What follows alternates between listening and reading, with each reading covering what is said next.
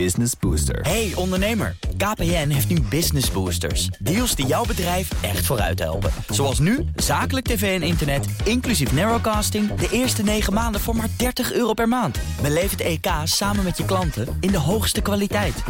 Kijk op kpn.com slash businessbooster. Business Booster. BNR Nieuwsradio. BNR breekt. Ivan Verrips. Goedemorgen en welkom bij aflevering 84 van BNR Breekt. Ook vandaag weer de perfecte onderbreking van je werkdag. Al zeg ik het zelf.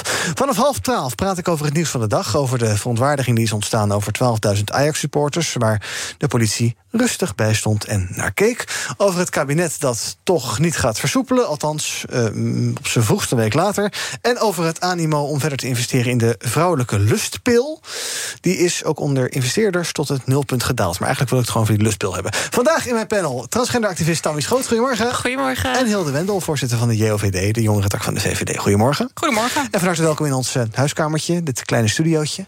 De komende weken zitten we hier, want er wordt hier beneden verbouwd. We krijgen allemaal gouden toiletpotten en marmeren vloeren. En, oh, wordt echt, en 4K webcams krijgen we ervoor terug. Maar tot die tijd zitten we hier. En kan het dus zijn dat je af en toe eventjes een uh, hamer of iets dergelijks hoort. Het is knus of klein, of noem het zoals je wil. Inhoudelijk verandert er weinig. We beginnen zoals altijd met... BNR breekt. Breekijzer. Vandaag over KPN. Dat is uh, populair in het buitenland om overgenomen te worden. Maar nu nog even niet, want KPN wil niet.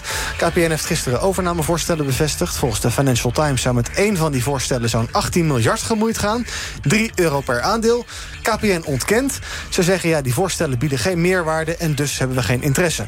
Vanochtend spraken we even met KPN... en dat leverde mm, eigenlijk uh, vrij weinig op. Uh, over de inhoud van de voorstellen doe ik geen uitspraken. Daar doen we geen uitspraken over. Hè. Daar doen we nooit mededelingen over. Ik ga niet in op de details van de voorstellen. Verder details ga ik niet geven. Ja, ik, ik, ik kan niet gaan speculeren over wat voor voorstel dan ook. Ja, ik, ik kan daar niet op gaan speculeren. En dus werd de telefoon opgegooid bij KPN. We gaan dus over KPN praten. Ons breekijzer luidt. KPN Nederlands houden is totaal niet realistisch. Misschien ben je het daarmee eens, want ja, heel veel Nederlandse bedrijven komen in buitenlandse handen. En KPN zou daar geen uitzondering op moeten worden. Of denk je, nou, zo'n telecomprovider Nederlands houden, dat is toch wel fijn en ook wel goed. Want ja, als land moet je nooit je telefonie helemaal in buitenlandse handen laten vallen. Ik ben benieuwd wat jij vindt. Dus kom maar op, pak die telefoon en bel met KPN of een andere provider naar 020 468 4x0. 020 468 4 keer 0 en reageer op ons breekijzer. KPN Nederlands houden is totaal niet realistisch. Ook bij me is nu Corné van Zel, beursanalist van Actiam. Goedemorgen, Corné. Dag Ivan. En eerst maar eens even benieuwd naar jouw reactie op ons breekijzer. KPN Nederlands houden is totaal niet realistisch. Ja, kijk, als je het aan mij vraagt als belegger, dan is het uh, logisch. Uh, daar staat nu een uh, bescheiden bedrag van 1,72 euro. Dus ik zou graag die 3 euro willen hebben. Maar ja, ik ben ook natuurlijk Nederlander. En ik denk van, nou ja, wat is nou de toegevoegde waarde om KPN in een buitenlandse handen te laten hebben. Dat is eerder gedreigd en toen zagen we toch al de nadelen ervan. Uh, hè, je wilt dat zo'n bedrijf enorm gaat investeren in Nederland en dat doen ze nu ook. Uh, die, die uitrol die ze nu gaan doen voor het uh, fiber... glasvezel. Voor, hoe heet het? Glasvezel in, in dorpen, uh, uh, kleinere dorpen, uh, is gewoon ontzettend belangrijk voor Nederland. En als je dat op puur financiële basis wil berekenen, ga je dat natuurlijk niet doen. En nee. dus is dat negatief voor Nederland. Laten we zo meteen over verder praten, over alle details ook. Hilde, um, ja, JOVD, dan denk ik toch verkopen die hap aan de hoogste bieder. Of ben ik nou heel kortzichtig? Ja, ik denk wel dat je heel kortzichtig bent, ja. Nee, nee, veel van spreekijzer. KPN Nederlands houden is totaal niet realistisch, wat vind jij? Nee, ja, ik denk dat het wel realistisch is. Ik denk dat we hier wel heel kritisch naar moeten gaan kijken. Ik bedoel, het gaat wel over ja, kritische infrastructuur, om het maar even zo te noemen natuurlijk. En ik denk uh, nou ja, dat het niet bepaald wenselijk is uh, als dat er nou ja, niet meer in Nederlandse handen is. Ik moet er niet aan denken als het in handen van China komt bijvoorbeeld uh, ooit. Lijkt me niet zo'n zo'n heel goed idee. En volgens mij moet onder andere de Nederlandse staat ooit gewoon akkoord geven voor de verkoop. Dus ik denk eigenlijk dat het, ik denk dat het wel realistisch is om het wel in Nederlandse ja. handen te houden. En welke provider zit je zelf? Ik zit zelf bij uh, Simpel. Is dat niet ook van KPN? Ik geloof het wel, ja. Dus je zit bij een Nederlands. Uh, waar zit jij? Uh... Ik zit ook bij Simpel, oh, ja. bij Simpel. studenten. Wat toevallig. Ja. Ik zit bij Vodafone. Ik zit dus al bij zo'n buitenlandse club. Ik heb er niet zo heel veel last van, maar oké. Okay. Mm. Tammy, wil jij eens reageren op ons breekijzer? Nou, KPN wil... Nederlands houden is totaal niet realistisch. Ik wil er zeker op reageren, want ik kijk verder dan die financiële prikkels. Ik denk twee dingen zijn interessant. Ik denk als KPN het ooit gaat verkopen, dan wordt het een heel interessant schouwspel tussen KPN en de overheid. Er is namelijk een wet, wet ongewenste zeggenschap telecommunicatie. Wat mij heel erg verbaast is dat dat geen factor is in die overname. Um, ten tweede, wat ik ik vind natuurlijk ook dat we die telecommunicatie in onze eigen handen moeten houden. Maar het beroept wel een interessante vraag op. Hè? Want al die investeerders, op een gegeven moment wordt het bod zo goed dat je als Nederlandse staat daar niet meer tegen op kan boksen. Ik denk wat een interessant uh, idee is, en ik wil het balletje gewoon maar even opgooien. Moeten we dit niet op Europees niveau gaan regelen? Moeten we niet een Europese telecommunicatie krijgen? Want dan worden dit soort boden natuurlijk nooit te goed om te weigeren. Mm Europees gaan regelen. Oké, interessant. Ga ik allemaal voorleggen. Um, en als je wil meepraten, bel naar 020 468 4 keer 0 020 468 4 keer 0 Dan reageer op ons breekijzer. Dat is vandaag KPN Nederlands houden. Is totaal niet realistisch. Um, Corné, blijkbaar is uh, uh, KPN dus een populair hapje. Wat, wat, wat doen ze goed? Of is eigenlijk elke telecombedrijf wel een populair hapje?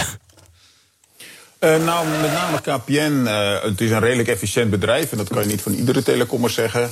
Uh, dus dat is een duidelijk plus. En wat je nu ziet is dat met name bij hele grote beleggers... zoals die EQT die we hebben gezien, of Stonepeak KKR... die willen investeren in infrastructuur. Omdat dat gewoon hele lange termijn mooie cashstromen oplevert. Ja, en dan zeggen ze, ach, die schulden van KPN... die kunnen dan best wel wat om, omhoog. Dus meer schulden aan de ene kant... Um, en ja, dat, helemaal dat financiële stuk uitnutten. Dus waarschijnlijk ga je dan ook wat grote, hogere prijzen krijgen. Minder investeringen in die glasvezel. En dan kan je er een uitermate mooi financieel sommetje van maken. Ja. Maar nogmaals, dat is denk ik niet het beste wat we voor Nederland willen. Nee. Um, is, er, is er in Nederland denk je genoeg besef over dit, dit, dit oer-Hollandse bedrijf? Um, ja, nou, als je naar de Nederlandse beleggers kijkt, dan zie je ach, het, uh, dat toch wel wat teleurstelling. Dat een hoop uh, ja, beleggers denken van die winst van KPN groeit ook helemaal niet. Nou, dat, dat klopt. Uh, dat is uitermate beperkt en dat is logisch omdat we steeds minder gaan uitgeven aan, aan telecom. jouw rekening is al een tijdje niet gestegen. Nee. Als je het vergelijkt met dan flink wat jaren terug. Um, en daar heeft KPN heel simpelweg erg veel last van. Er is veel concurrentie op het traditionele gebied. Maar die hoge mate van glasvezel, ja, daar hebben we wel van geleerd dat we daarvoor meer willen betalen. Maar dat is wel investeren in de toekomst. Dus ja, hoe meer van die uh, kabels in de grond stoppen, hoe meer de lange termijn waarde is. Maar ja, daar hebben beleggers over het algemeen niet zoveel oog voor. Nee. dat zie je dus ook in de koers van vandaag. Nee. Tammy noemde net al eventjes, er zijn een soort verdedigingslinies opgeworpen. Uh, welke, kan jij die schetsen? Welke voorwaarden zijn er of voordat KPN eventueel overgenomen zou kunnen worden? Nou, de belangrijkste is natuurlijk wel het zogenaamde gouden aandeel. Oftewel, je mag een KPN niet overnemen zonder toestemming van de Nederlandse regering. Uh, nou is die er op dit moment uh, niet, even tussen aanhalingstekens. Dus dat zal ook wel een tijdje duren. Ik zag ook wat analisten al met rapporten naar voren komen... die zeggen, van, nou ja, zolang de huidige regering... of de huidige politieke situatie zo is als die is... zal er überhaupt geen beslissing uitkomen. Dus uh, dat zal nog wat langer termijn duren. Maar dat is dus de belangrijkste reden... waarom KPN niet zomaar overgenomen kan worden. En dat verklaart ook gelijk waarom die koers van vandaag daalt. Meestal als een bod wordt afgewezen, dan zie je dat beleggers heel enthousiast reageren. Van nou ja, god, dan zal er wel een hogere prijs komen. Uh, en nu daalt de koers, wat aangeeft dat ze denken dat uh, ja, Nederland daar niet mee akkoord zou gaan. Rick, goedemorgen. Hallo? Rick? Rick hoort mij niet, denk ik. Of ik... Rick? Rick? Nee, hoort mij niet. Nou, gaan we zo proberen. Een van de bellers uh, uh, die hangt misschien met KPN aan de telefoon. Uh, doe nog even je, je, je, je plannen uit de doeken. Je zei, we moeten dit Europees gaan regelen. Waarom? Nou, omdat ik denk dat uh, hè, we gaan eigenlijk naar een wereld toe waar je allemaal een soort grootmacht hebt. Een China die echt met een bod kan komen ver boven de marktprijs. En op een gegeven moment gaat er gewoon een punt komen dat je dat niet meer kan weigeren, omdat het zo'n goed bod is. Maar zoals daar net ook al wordt uitgelegd, hè, het, is een, het is een nutsbedrijf. Uh, dus die, en als zo'n commerciële belegger daar natuurlijk vinger in de pap hebt, gaat het om geld. Mhm. Dus de rekeningen gaan omhoog. Hè, onze hele, hele infrastructuur wordt uitgehold. En ik vond het ook wel interessant waar hij het over had, over die verdedigingslinie met dat gouden aandeel. Kijk, als de VVD natuurlijk in het volgende kabinet gaat zitten, en we hebben natuurlijk Hilde hier, dan ga- gaan ze natuurlijk ermee instemmen. Want de VVD heeft de afgelopen tien jaar al die nutsbedrijven gewoon hoppa aan de hoogste bieder gegeven. Dus ik denk eigenlijk dat op de lange termijn, als we dit niet Europees gaan regelen, dat we het kwijt zijn. Ja, voordat ik de VVD in de, bij monden van Hilde aan het woord gelaten hoorde ik eh Corné even gniffelen, geloof ik. Ja, nou ja, ik ben natuurlijk ook VVD-lid. Of natuurlijk, ik ben VVD-lid. Eh, en ik hoor nou zoveel onzin. Nu Als komt er de nou mouw. ding iets... Ja, dit is uitermate goed geweest om die nutsbedrijven juist efficiënt te laten drijven. Als we ze allemaal in overheidshanden hadden, dan hadden wij dus een heel inefficiënt bedrijf gehad. Een complete tegengestelde beeld van wat KPN nu is. Ja, maar goed, het is natuurlijk inefficiënt om alle dorpen ook van glasvezel te voorzien. Hè? En, maar dat is natuurlijk wel voor het grotere publiek heel nuttig. Eh, dus daar, daar ga je al. Ja, maar KPN is een beursgenoteerd bedrijf. En toch gaan ze juist investeren in glasvezel en al die dorpen. Het is wat minder winstgevend dan eh, in de steden. Maar ze doen het nu wel. Dus dat haalt eigenlijk hiermee je verhaal volledig onderuit. Helemaal niet, want dat komt er juist door dat die overheid nog zo'n vinger in de pap heeft. Als, die over, als je die overheid compleet. Ah, ja, tuurlijk wel. Als je die overheid compleet wegtrekt, dan gaat KPN dit soort dingen nooit meer doen. Precies wat u net zei. Daarnet zei u van ja, zo'n zo'n bedrijf, dat gaat over winst. Dus dat gaat over zoveel mogelijk geld eruit halen. De prijzen gaan omhoog. De infrastructuur wordt helemaal uitgekleed. Ik vind dat gewoon, ja, dat is gewoon de toekomst die ons te wachten staat als we KPN verkopen. Dat, dat laatste heb je gelijk in. Maar op dit moment is het een commercieel bedrijf. Wat eh, voor winst wordt gerund. En KPN ziet daar winst in om die, bedrijf, om die dorpen gewoon met de kabel te beleggen. Dus wat dat betreft zie je dat, ja, is dat het bewijs dat het op dit moment juist wel een efficiënt bedrijf is die winst ziet in, eh, in die dorpen. Oeh, je is toch nog een soort van eens geworden, gelukkig. Eh, Hilde, het eh, VVD werd een paar keer genoemd. Ehm, eh, hoe weegt u, hoe maak hoe zou... Ja, ik snap, jij zit niet in de Kamer, jij bent niet de VVD, ik weet het. Maar eh, hoe weeg jij deze belangen af? Ehm, aan de ene kant de belangen van de vrije markt... aan de andere kant ook de belangen van, ja, een Nederlandse telecomprovider willen houden, misschien? Ja, nou, ik vind dat moeilijk. Want eh, als je kijkt naar de vrije markt, dan ligt er heel snel een frame op de VVD of op de JOVD. eh, dat we altijd alles alleen maar 100% zijn gang willen laten gaan. En eh, zoveel mogelijk vrij, en dan is het goed. Alleen ik denk dat een heel belangrijk onderdeel van de vrije markt is, is dat daar wel beperkingen aan zitten. Want als je er helemaal niets in doet, ja, dat, dat gaat te ver. Dus het is wel altijd belangrijk dat de overheid ook marktmeester is in de markt. Eh, en in, ja, in deze casus zou ik zeggen dat het voor de, de overheid, dus nou, de VVD in het kabinet inderdaad ook, belangrijk is om af te wegen van nou, wat zijn er nou de gevolgen van eh, als KPN verkocht zou worden. En inderdaad, zij hebben, daar, zij hebben daar gewoon wat over te zeggen. Dus ik denk wel dat het een beetje te kort door de bocht is om te zeggen van nou ja, als het VVD in het volgende kabinet zit, dan is het allemaal eh, gewoon, gewoon verdwenen. Ik denk dat eh, zij ook zeker inzien dat dit gaat om kritische infrastructuur. BNR breekt. Ivan Verrips. We hadden drie bellers hangen, onder andere Hans, eh, Martin en Rick. Maar die verbinding was een beetje technisch hier een gedoetje. Dat komt omdat we in deze kleine studio zaten. Maar het schijnt verholpen te zijn, dus bel nog eventjes. 020 468 4x0. Dan kan je dus meepraten over ons breekijzer. En dat is vandaag KPN Nederlands houden is totaal niet realistisch. Ik praat erover met Hilde Wendel, voorzitter van de JOVD. Met Tammy Schoots, transgenderactivist. En met eh, Corné van Zel, beursanalist bij Actiam. Nou, laten we gelijk maar even proberen of het werkt. Nu wel. Rick, goedemorgen. Met Rick, goedemorgen. Zeg het maar. Volgens mij is KPN en zeker glasvezel is eh, cruciaal voor Nederland in zaken de woningspreiding en de werkgelegenheid. Ja. Amerika ziet ook al, de westkust en oostkust gaan naar Centraal-Amerika vanwege de glasvezel. Ja. Misschien, misschien dat de Europese gemeenschap er een, een, een, een groen potje voor heeft. Ja, je, auto's. Ja, je stem klinkt een beetje raar, maar daar kan je niet zoveel aan doen. Het is een netwerkprobleem bij ons, geloof ik. Maar dankjewel voor het bellen, Rick. Misschien moeten we KPM eens om advies gaan vragen daarover. Eh Corné, er is al vaker geprobeerd om KPN over te nemen. hè. We hadden eh Amerika Mobil gehad. Ehm, eh, Carlos Sunim, AT&T heeft ooit belangstelling gehad. D- dus is, hoe lang kan je dit afwenden? Ja, zolang als je wil dus eigenlijk? Ja, zolang als je wil.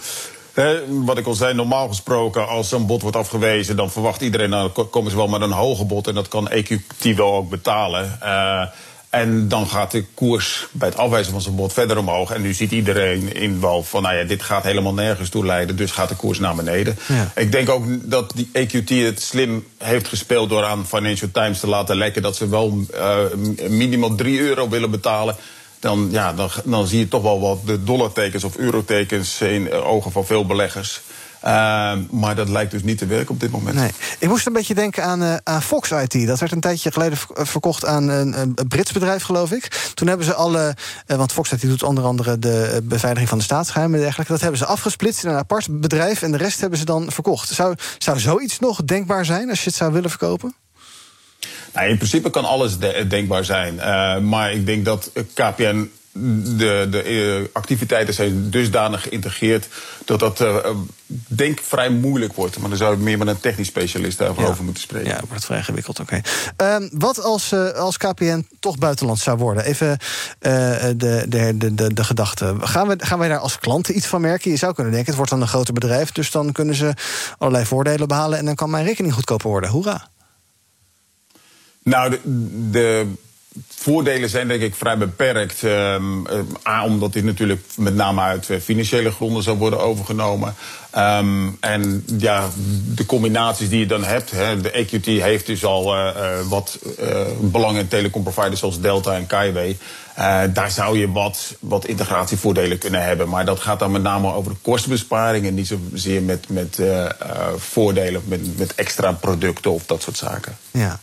Um, ik zag jou driftig nee schudden, Tammy. Nou, het is een illusie om te denken dat de voordelen die ze ermee gaan halen, dat wij die terug gaan zien op de rekening. Als het een bedrijf is die winst wil halen, dan is het echt heel naïef om te denken dat onze rekeningen omlaag nou ja, Als zij willen concurreren op prijs, dan zou dat een optie kunnen zijn natuurlijk. Hè? Ja, nou, daar, daar heb je een punt als ze op, op prijs willen gaan concurreren. Maar ze willen natuurlijk zoveel mogelijk winst eruit gaan halen.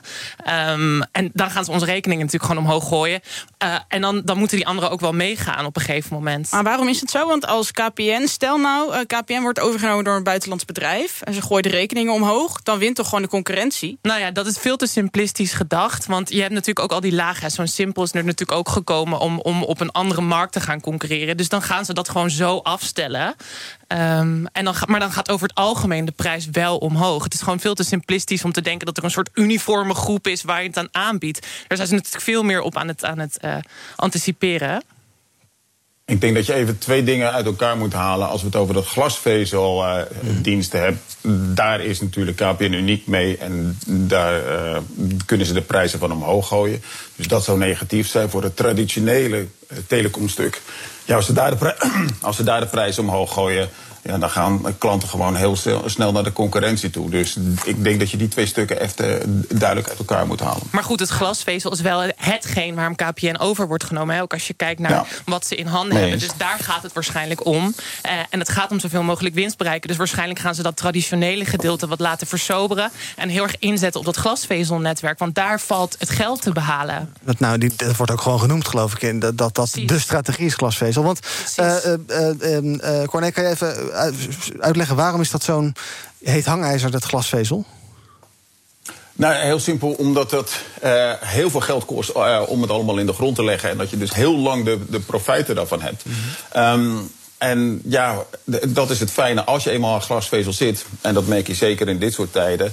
Uh, al, al ga, ik heb het bij mijn eigen provider gezien, die gaat makkelijk de kosten verhogen. En in dit soort tijden uh, met thuiswerken wil je daar geen enkele kwaliteitsbeperking in hebben. En ben je bereid om, dat hoog, om die hogere prijs voor te betalen. Ja, maar waarom is dat in de huidige constructie dan beter te doen dan in een constructie waar een buitenlandse partij betrokken is? Hoe bedoel je dat precies? Nou ja, als stel dat KPN zou worden overgenomen, uh, waarom, waarom komt dat dan onder druk te staan, die strategie? Uh, nou, die komt juist niet onder druk, te staan. Hè. Op het moment uh, dat een buitenlandse partij dat uh, kabelnetwerk in handen heeft, zullen ze daar minder in gaan investeren. Kosten naar beneden. Zullen ze de, prijzen omhoog doen, opbrengsten omhoog. en in, voor dat stuk zal de consument wel de klos zijn. En ik denk ook dat KPN voelt zich ook wel verantwoordelijk, denk ik, voor Nederland over het algemeen. Hè. Dat ze nu dus, uh, nou, dat je inderdaad uh, ziet dat kleine dorpen ook alsnog die glasvezel krijgen. Ook kan dat misschien niet uit. En stel dat het uh, in handen komt van een buitenlands bedrijf. Nou ja, ik denk dat zij die verantwoordelijkheid van Nederland veel minder zullen voelen. En dat zij dan echt geen zin hebben om in het dorp waar ik vandaan kom glasvezel aan te leggen. Als maar KPN voelt zich natuurlijk verantwoordelijk omdat die overheid er natuurlijk nog achter zit met bepaalde verdedigingslinies. Hè. Dat is, het gaat gewoon om geld hier. En er komt gewoon op een gegeven moment een te groot bod. Waar zij ook geen nemer kunnen zeggen als commerciële partij. En dat is denk ik een beetje het probleem hier. En dan heeft dus nog steeds de Nederlandse staat daar iets over te zeggen. Precies, dus, maar hier gaat het dus niet over de vrije markt. Hier gaat het over dat de staat daadkrachtig moet ingrijpen. Want anders gaan die rekeningen omhoog. En om nog even het verschil te benadrukken van wat KPN in handen heeft: 7,8 miljard aan glasvezel versus 5,6 miljoen aan aansluitingen. Dus als je die twee tegen elkaar opweegt, is het super makkelijk om die traditionele gewoon te laten versoberen. En, en er staan ons gewoon hogere rekeningen te wachten met buitenlandse investeerders. Uh, wat is eigenlijk het beste uh, ja, voor, voor KPN zelf? Dat is Nederlands blijven, denk je, hè, Corné? Uh, ja, het ligt er, als je puur naar de aandeelhouders kijkt, die, de, met name de korte termijn aandeelhouders, die denken van nou. Uh, verkopen die hap uh, strikt erom en ja. klaar. Uh, dan heb ik een mooie winst te pakken. Um, maar als je gaat kijken voor de lange termijn aandeelhouders, die denk ik dat die het meeste gebaat zijn bij het gewoon rustig uitrollen van dat. Van dat netwerk. En daar gewoon een, een, een mooi rendement op maken. Niet te veel, maar ook zeker niet te weinig. Nee. Zijn er andere partijen, ja, dat, dat, weet jij niet... maar is er denk je heel veel vraag naar KPN? Wil iedereen KPN wel overnemen? Nou, niet iedereen, maar zijn er meer uh, geïnteresseerd? Nou, wereldwijd zie je met name bij infrastructurele uh, werken... en met name dan aan het te telecomgebied zoals dit. Ja, Nederland is sowieso een heel mooi voorbeeld... hoe ver wij zijn qua glasvezel. Dus wat dat betreft denk ik dat ongetwijfeld meer partijen naar KPN zitten te kijken. Ja. Dankjewel, Corné Verzel, beursanalist bij Actiam. Um, zometeen in het tweede deel van BNR Breekt... dan gaan we praten over het uh, nieuws van vandaag. Over uh, verdere versoepelingen waar je minimaal een week langer op moet gaan wachten. Vinden jullie dat jammer? Of zeg je, nou ja, eigenlijk, uh, eigenlijk niet zo erg... ja, de ziekenhuizen liggen vol, dan maar een tijdje wachten nog? Nou, ik kijk nog steeds wel met een dubbel gevoel naar die versoepelingen. Als in, ik vind het heel erg fijn om wat meer vrijheid te hebben... en niet aan huis gekluisterd te zijn, s'avonds vooral ook omdat ik alleen woon. Maar aan de andere kant inderdaad, die ziekenhuizen zijn ja. vol... Uh, het is heel. Het, ik, vind het, ik kijk er echt met een dubbel gevoel heen. Ja. Ik ben ook nog niet naar een terras gegaan en zo. En ik hou me gewoon nog aan de oude maatregelen. Omdat ik het onzin vind om naar een terras te gaan met zoveel mensen op de IC. Ik voel me Oh. daar echt te verantwoordelijk Ja? voor dat ik hier mag komen. Ik vind dat heel eh, onverantwoordelijk als ik dan lekker op het terras ga zitten. door een of andere random iemand besmet zou worden. Mhm. Dat is het gewoon niet waard voor mij. Nee. Hilde?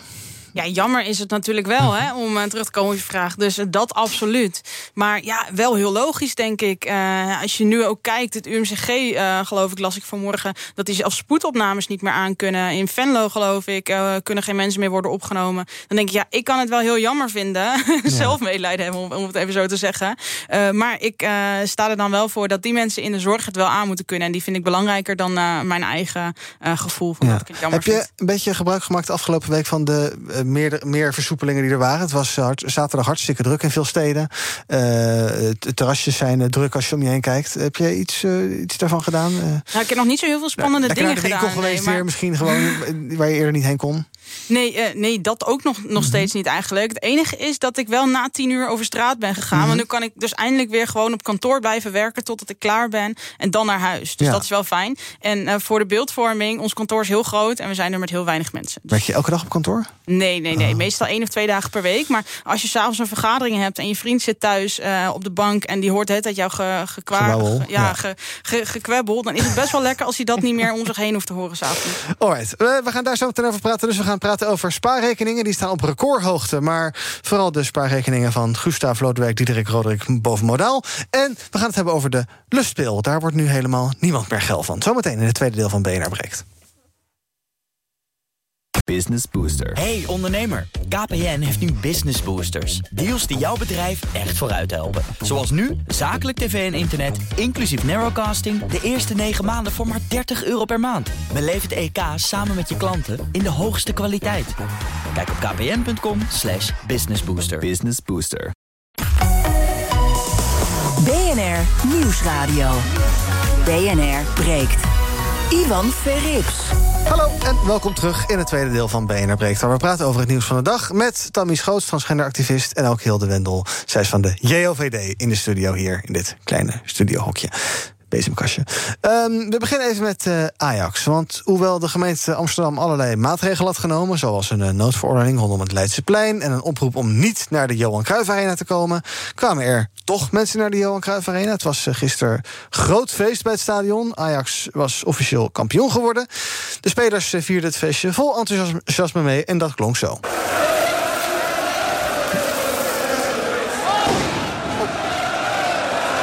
Gebeurde even uit zijn onderbroek, denk ik. Nou, u kent het geluid wel. Dit is het eh, geluid van de supporters bij de Johan Cruijff Arena dus. Uh, toen de schaal werd getoond enzovoorts. Elf elk deze. Ajax is kampioen, Ajax blijft kampioen. Er is toch geen club die daar iets aan kan doen. Is Malle Babbe, toch? Op de, ja, precies, op de toon van Malle Babbe. Nou ja, goed. Um, ja, goh. hey, uh, corona. Je mag niks, je mag niet samenkomen buiten. Maar hier stonden, ik geloof dat de gemeente dacht... 12.000 mensen buiten bij de Johan Cruijff Arena. Hilde, is dat de bedoeling? Nee, sorry, ik ben nog even aan het nagenieten van het, uh, van, uh, van het kampioenschap en het, uh, de muziek. Maar nog een keer? Ik zei, ik zei sorry, ik was nog even aan nee, het sorry, ik zei nog een keer de muziek. Wil je nog oh ja, heel graag. Ajax is kampioen, Ajax blijft kampioen. Ja, dat is fijn. Er is toch geen club die daar iets aan kan doen. Dank. En nu de massa mensen. Ja, ik vond het heel moeilijk, eerlijk gezegd. Want wat ik net ook al zei, de zorg is uh, echt zwaar overbelast. En uh, aan de ene kant snap ik het, hè, want uh, je wil gewoon graag iets vieren. Maar ik denk ook, jongens, ik ben ook een Ajaxiet. Ik zat ook achter mijn scherm te kijken. Ik vind toch dat die mensen... Er zijn 12.000 mensen dus geweest die het een goed idee vonden om daar naartoe te gaan. En dat vind ik misschien nog wel het meest pijnlijke. Kijk, ik ben ook veiligheidskundige. Ik begrijp die, ja, het niet ingrijpen van de politie. Dat kan ik dan nog wel begrijpen, weet je wel. Want anders escaleert het alleen nog maar meer. Mm-hmm. Maar ik vind het wel echt, echt heel jammer dat, dat dus zoveel mensen die verantwoordelijkheid niet gevoeld hebben om thuis te blijven. En ja, dat Ajax dan het parkeerdek opkomt om de schaal te tonen. Ja, daar kunnen we ook wat van vinden natuurlijk. Namelijk? Ja, dat is niet goed. Ja, nee. ook dat, hè. In, die, in de jolige stemming, zeg maar, kan ik het ook nog wel weer begrijpen. In de euforie en in de... Ja, alleen, ja. Ik, ja, ik vind het dan toch wel heel jammer. Want je zou toch denken dat je daar van tevoren over nadenkt, hè, over dat soort dingen. Want het was natuurlijk niet echt een, uh, een verrassing dat ze kampioen werden nee. gisteren. Dan denk ik wel van, ja, dan had je toch van tevoren met elkaar in overleg kunnen gaan van hoe kunnen we dat nou gaan doen. Ja. Eerlijk eerlijk, die supporters wisten ook wel dat ze op dat dek zouden komen en dat ze daar zouden staan. Ja, uh, ja ik vind dat heel jammer, want ik vind ook dat je daarin verantwoordelijkheid moet nemen. En uh, ik werd er wel een beetje verdrietig van. Al moet ik zeggen dat, zeg maar, al, ja, dat, dat feest toen ik dat zag, toen dacht ik wel, dit is wel wat, wat ik mis. Mhm. Mm -hmm. Maar ik dacht wel, doordat jullie daar nu gaan staan, moet ik dat straks nog langer missen. En dat Ja. is eigenlijk wat ik van al dat soort dingetjes vind. Ik begrijp het heel goed, want mensen missen het heel erg. Maar daardoor moeten anderen het nog veel langer missen. En blijft de zorg zwaar overbelast. Ja, Tammy, als ik Hilde zo hoor, dan uh, was het niet goed. Maar ja, ze snapt hoe het tot stand is gekomen. En ja, nou ja, het is maar zo. Nou, wat ik wel heel kwalijk vind, is wat dit laat zien... is de politieke macht wat, je, wat die hooligans hebben. Want stel nou dat er Ja. wel ingegrepen was geweest... had de Telegraaf gekopt met Femke Halsema... die, eh, Ja. die, geeft, preferentie, weet je, die geeft preferentie aan eh, Black Lives Matter... Mhm. maar eh, de supporters laten ze niet gaan. En dat vind ik echt heel moeilijk hier. En ook dat de politie zelf autonoom niks deed... laat ook wel zien dat die politie, en dat is echt wel problematisch...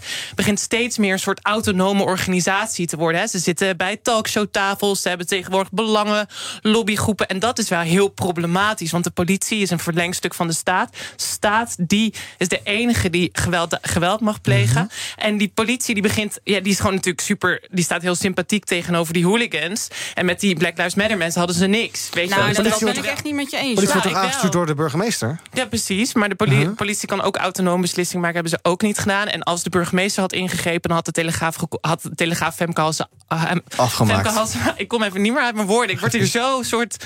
Maar, dat is, maar het is wel gewoon zo. De politieke macht die die hooligans hebben... dit loopt echt uit de hand. En al die media die daar omheen zit... en hun supporten. Weet je wel, zo- zo'n telegraaf. Ik vind het heel... uh, ja, ik vind het gewoon kwalijk. Kijk, het is natuurlijk wel gewoon crowdmanagement. Hè? Als je, kijk, kijk, ik heb veiligheidskunde gestudeerd. Een van de eerste dingen wat ik heb geleerd over grote groepen mensen is als je daar eh, massaal op gaat inslaan, om het maar even zo te zeggen, dan loopt het totaal uit de hand en dan wordt het alleen nog maar erger.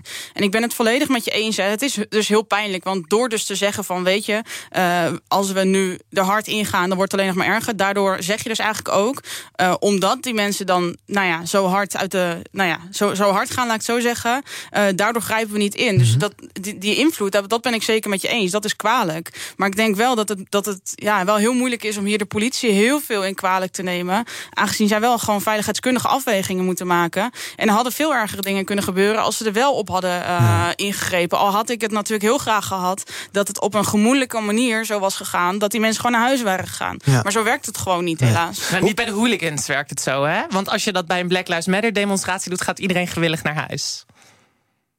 Is dat een vraag of is dat een constatering? Nee, dat is een constatering. Als in, maar we moeten ook wel even gewoon de hypocrisie daarvan inzien. Hè? Van wat voor, hoe, Ja. hoe Nee, ik mensen denk zich als, als mensen zouden gevraagd... wilt u alsjeblieft naar huis gaan? Dat, dat is niet gebeurd. Nee. Nee. Nee. Bij die voetbalsupporters of hooligans. Ehm, eh, als je even kijkt ook naar wat er op het Museumplein elke zondag gebeurt... dan gaan mensen een koffie drinken. Eh, die worden getrakteerd op het eh, waterkanon. Ehm, eh, hoe- als, ja, nee, niet waterkanon. Af en toe Nee. twee keer gebeurt misschien. Nou, die zijn, die zijn wel zeg maar bij elkaar. ge- Maar dat waterkanon is één keer volgens mij in Rotterdam gebeurd. Nee, elke twee keer in Amsterdam geloof ik. Ja, precies. Maar niet zeg maar. Niet elke week. Oké, nee, daar heb je Dat is gelijk een beetje gechargeerd. Dat is misschien zo. Maar hoe kijk je daar uit veiligheids, eh, oog, veiligheidskundig oogpunt naar dan? Ja, ik vind dat nog steeds heel moeilijk hoor. Want ja, het is natuurlijk zo, als je een hele grote groep mensen hebt en je gaat daar, ja, daar massaal op inhakken, om het zo te zeggen, dan kan het alleen nog maar verder uit de hand lopen. Ja. En ja, we hebben ook natuurlijk heel veel beelden gezien van eh, mensen vechten met de ME. En, maar ja, het is gewoon moeilijk, denk ik. Ik denk dat het verschil is, is dat dit een eenmalig. Ja, een eenmalig incident is geweest. Ehm, en als je het iedere zondag denkt van ja, weet je, dat is zo'n grote groep, laat maar. Dan blijft het dat je echt iets structureel gaat Ja. toeslaan, eh, toestaan. Ja. Maar het blijft natuurlijk heel krom. Hè? Dat ben ik natuurlijk volkomen met je eens. Eh, als ik daar 12.000 mensen zie staan, mijn gevoel zegt: alsjeblieft, zorg nou dat ze naar huis gaan. Hoe je het doet, dat maakt me niet uit. Ja. Maar dat is wat mijn gevoel zegt. Alleen ja, ik begrijp wel dat je veiligheidskundig gezien eh, een andere keuze maakt. Ja, zonder dat je je helemaal in deze situatie verdiept hebt... en deskundig bent op het gebied van de Johan Cruijff Arena... althans, dat neem ik aan. Eh, had je niet die hele omgeving moeten afzetten... En, er niet, en ervoor moeten zorgen dat die spelers... überhaupt niet met die fans in aanraking waren gekomen? Ja, eens. Dan was het toch klaar geweest? Ja, ik denk dat er preventief veel meer had moeten gebeuren. Als je ook ziet dat zo'n noodbevel bij het Leidseplein wel is eh, uitgeroepen. Eh, nou ja, dat, dat, dat is interessant. Ja, dus zeker preventief had er veel, veel meer moeten gebeuren. En ik vind het ook eigenlijk een beetje dom als ik, het zo, als ik er zo achteraf naar kijk. Ook dat die spelers überhaupt tot dat parkeerdek komt of komen. Ik denk dat je daar als gemeente al lang afspraken over had, eh, had moeten maken. Ja. Ja. Eens? Ja, daar ben ik het natuurlijk helemaal mee eens. Laten we even vooropstellen dat politiegeweld tegen welke groep dan ook natuurlijk nooit geoorloofd zou moeten worden, vind ik zelf. Maar eh, aan de andere kant, ik ben het helemaal met je eens. En dat lijkt gewoon een soort eh, thema steeds. Hè, dat het heel reactief is. Dat op het einde wordt gezegd: Oh, we hadden toch beter van tevoren even kunnen nadenken. Dus daar ben ik het wel helemaal mee eens. Maar goed, om te zeggen dat dit in- incidenteel is, weet je wel, we hebben natuurlijk veel vaker dit soort problemen met, met hooligans. We gaan het hebben over eh, sparen. Nederlanders hebben de, het afgelopen jaar best veel gespaard. Ehm, want ja, je kon niet op vakantie, je kon niet uit eten. En dus zijn de spaarbankboekjes eh, flink eh, gestegen, naar recordhoogte zelfs. Volgens de Nederlandse Bank stalden huishoudens tussen maart vorig jaar en februari dit jaar zo'n 6000 euro op de bank- en spaarrekeningen. Geldt dat hier ook? Heb je ook? nou, ik ga niet vragen hoeveel geld je gespaard hebt. Heb je ook meer overgehouden dan je uitgegeven hebt, Hilde? Nou ja, dat eigenlijk wel, ja. En ja. dat is dan ook op een spaarrekening beland of iets dergelijks. Maar Nou, dat is misschien- misschien ook gewoon minder schulden. Ik ben een arme student. ja, ja. nee, oké, maar, dat maar heb je dus niet gespaard. Nee. Eh, jij gespaard, Tammy? Ja, ik, ik, waarvan? Ja, dat is een beetje de vraag, weet je wel, van een, van een lening. Nee. Precies wat jij zegt, zeg maar, als ik wat kan sparen... dan gaat het naar het afbetalen van die torenhoge studieschuld. Dus ja, sparen, dat zit er voor mij ook als arme student niet in. Nee. Ehm, maar wel minder uitgegeven, denk ik, dan bijvoorbeeld het jaar daarvoor, toch? Eh, want ja, je zal minder naar festivals zijn geweest... en dingen hebben gedaan, of valt het wel mee? Nou ja, wat ik wel interessant vind, is inderdaad dat je dat ziet fluctueren. Dus ik moet wel zeggen dat ik soms wel op een online shopping spree Mhm. ga. Ja, weet je ja, wel, als je ja, thuis zit, gewoon om een beetje prikkels te krijgen. Maar je ziet inderdaad wel mijn spendeergedrag. Dat fluctueert wel met wanneer de terrassen weer open gingen en een tijdje terug. eh, en dan weer dicht. Dan zie je dat wel inderdaad eh, verschillen. Ja, eh, er wordt dus door mensen. Dat was, dat, dat was een beetje een inkoppertje in de Telegraaf. Maar mensen die veel geld hebben, die sparen dus meer. Ja, logisch.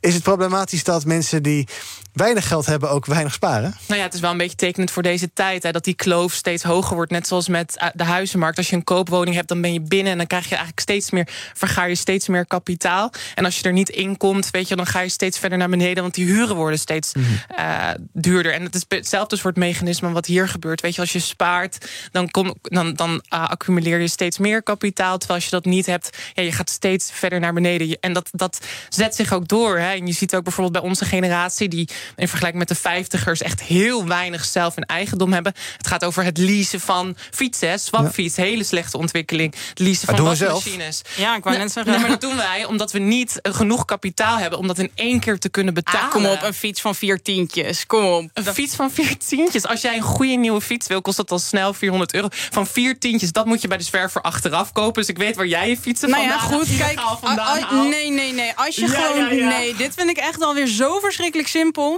Kijk, het zijn heel veel eigen keuzes die je kunt maken. Ik kan ervoor kiezen om een hele nieuwe fiets te kopen van een fietsenmaker van 400 euro. Maar ik kan er ook voor kiezen. Ik heb niet zoveel geld, dus ik ga voor een tweedehandsje en mijn ketting ligt er iedere ook- week af. Ook voor iemand met een uitkering is 40 euro al ontzettend Ja, veel maar als je dat geld, tegenover hè? een swapfiets zet, dan is het natuurlijk echt. Dat, Ja, maar dat is niet. Het probleem met swapfiets is dat, op, dat het op de korte termijn natuurlijk lijkt alsof het voordelig is. Omdat je kleine bedragen betaalt. Iemand die in een uitkering zit, zou dat misschien ook wel kunnen, eh, kunnen missen elke maand. Maar niet in één keer die 40 euro. Terwijl. En, en maar in drie maanden zit je met een swapfiets gelijk Precies. aan 40 euro. Precies, maar mensen die kunnen dan niet op de lange termijn eh, kijken. En dat zie je ook. Hè, En dat is het probleem. Ja, maar dat, je ziet dat schulden dat veroorzaken. Dat schulden veroorzaken dat je gaat overleven. Dat je alleen maar op de korte termijn kijkt. En als jouw kind een fiets nodig hebt en naar school moet... kan je niet drie maanden sparen. En dat is het probleem. Dat is een beetje de trap waar we in zitten in deze maatschappij. Wat zou eraan moeten gebeuren? Nou, wat ik gewoon heel belangrijk vind, is dat, eh, dat, dat eh, ja, sowieso dat die studieschuld van tafel moet. Want dat is echt een oneerlijke start voor iedereen. Eh, dat pu- punt één. Meer ingrijpen in de, in de huizenmarkt. En ook dat, ja, dat, hele, dat hele stelsel moet op de schop met rente. Vind ik echt. Maar er is al geen rente meer, toch? Als je een spaarrekening hebt, de rente is verwaarloosbaar. Dus dat je, eh, als je spaart, steeds meer geld krijgt. Ik denk dat dat sowieso al niet meer zo is, toch? Ja, maar daar, daar gaat dit hele item toch over? Zullen we even over iets leuks gaan hebben? Ja, laten we het over iets leuks hebben. Over de lustpil zeker. Nee, dat komt zo meteen pas. Eh, doe eerst even een rondje eigen nieuws. En ik geloof, eh, Hilde, dat jij het over deze zanger wilde hebben. Van de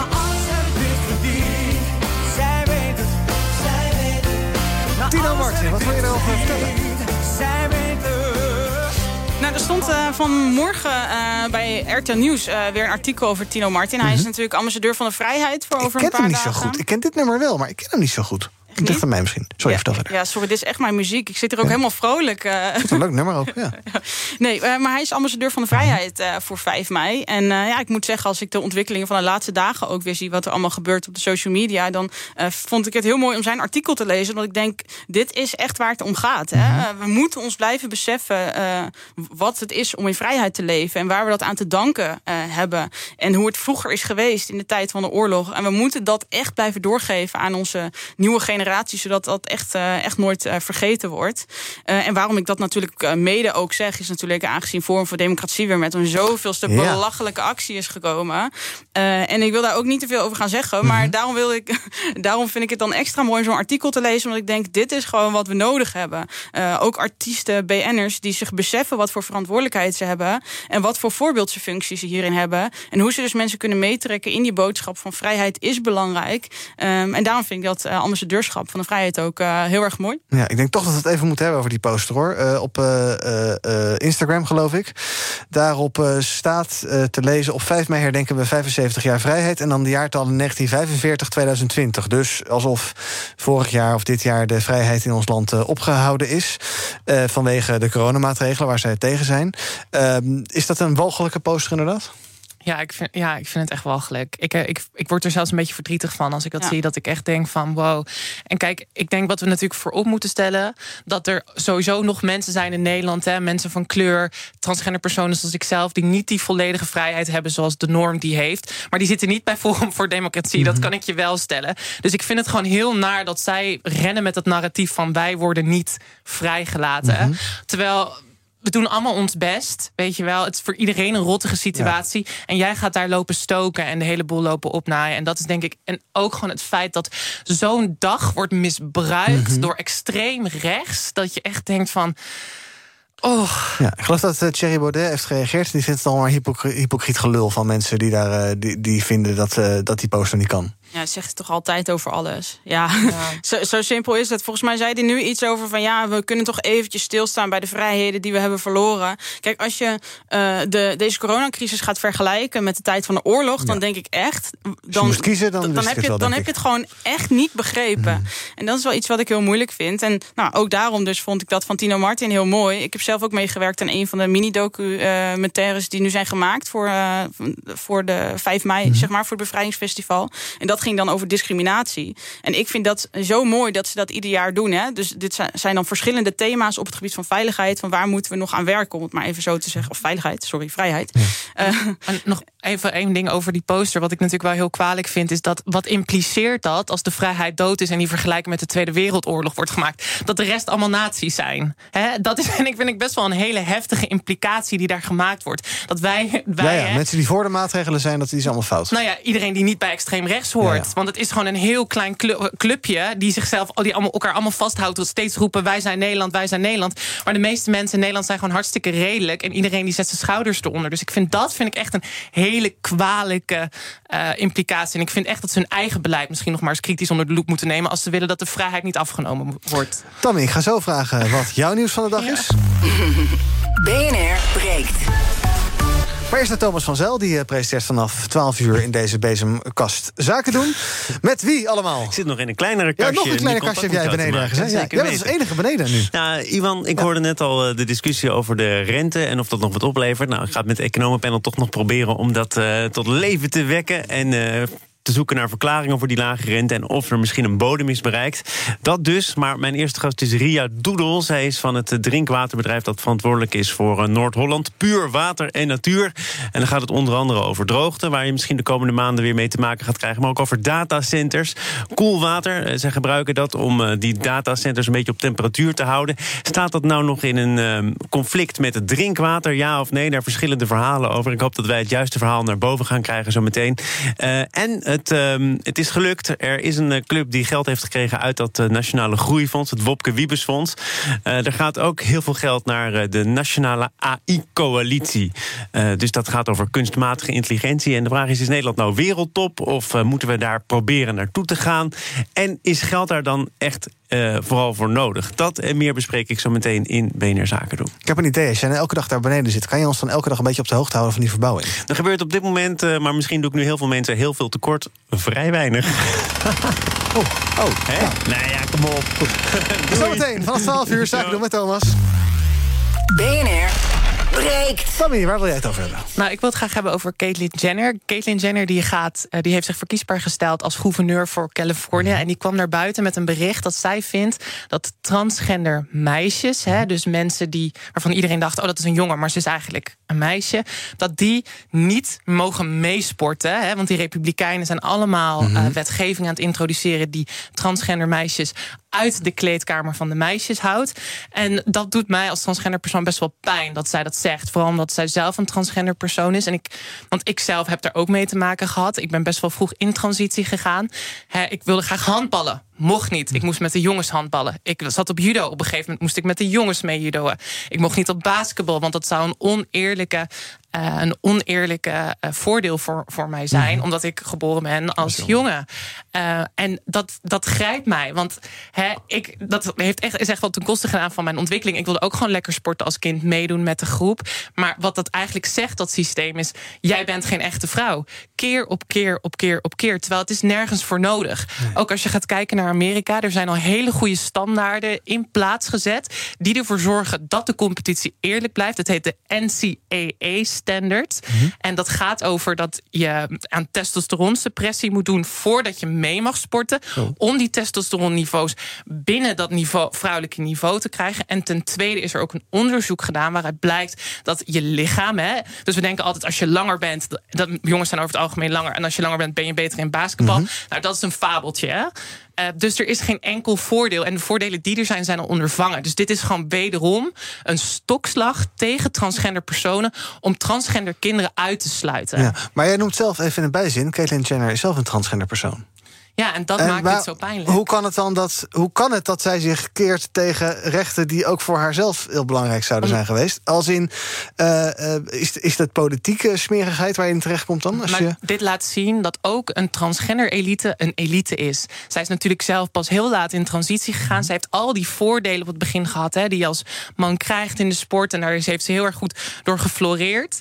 Ehm, maar dit is gewoon, dit is gewoon een, een electorale stokslag. Die Republikeinen Republikeinen vinden dit geweldige identiteitspolitiek. Ja. Terwijl het eigenlijk al heel goed geregeld is. Ja. En het is natuurlijk extra pijnlijk dat zij zelf een transgender persoon is. Dus- En als iemand die voor ons zou moeten opkomen. Er zijn al zo weinig. Er is al zo'n weinig representatie. En wordt ze daar ook niet op aangesproken? Ja, natuurlijk wel door eh, eh, activistische transgender personen, maar niet door, door niemand eigenlijk. Nee, want dat is, het- dat is deze maatschappij. Je kan de meest nare dingen over transgender personen zeggen. Mhm. En dan zit je in de, in de Tweede Kamer. En we hebben Freek Jansen die zegt dat het toonbeeld van de afgang van deze maatschappij is de 14-jarige transgender vrouw.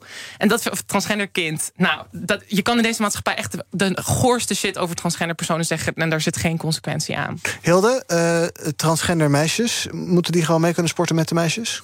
Nou ja, ik moet zeggen, ik las het artikel en ik dacht echt, waar doen we nou zo verschrikkelijk moeilijk over? En eh, dat bedoel ik juist, eh, je, je kijkt me aan, je, je zal blij worden van wat ik zeg hoor, geen zorgen.